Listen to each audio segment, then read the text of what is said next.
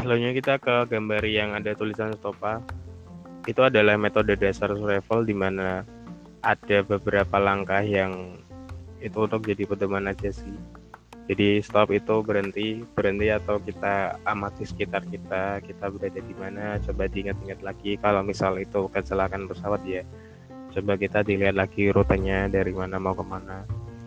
Habis itu think, think itu kita berpikir apa yang kita punya, persediaan logistik, tenaga yang kita punya juga mungkin di personel tersebut mempunyai keahlian khusus misal ada yang bisa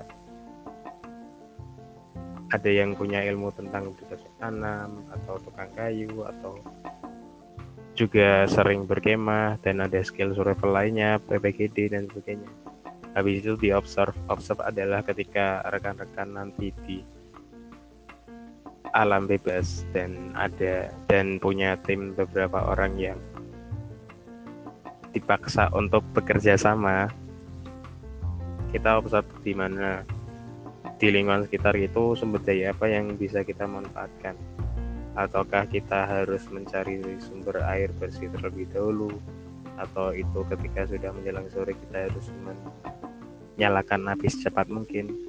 Itu yang dimasukkan observe setelah itu planning planning adalah ketika kita merencanakan sesuatu dari hal-hal yang sudah kita dapatkan tadi untuk direncanakan jangka panjang hingga kita diselamatkan oleh tim SAR atau kita bisa keluar dengan sendirinya di keadaan dalam keadaan survival itu.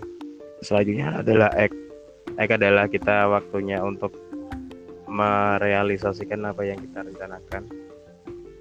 Um, dulu istilahnya hanya stop, cuman karena itu terlalu teoritis jadi makanya ditambahin jadinya stop. Itu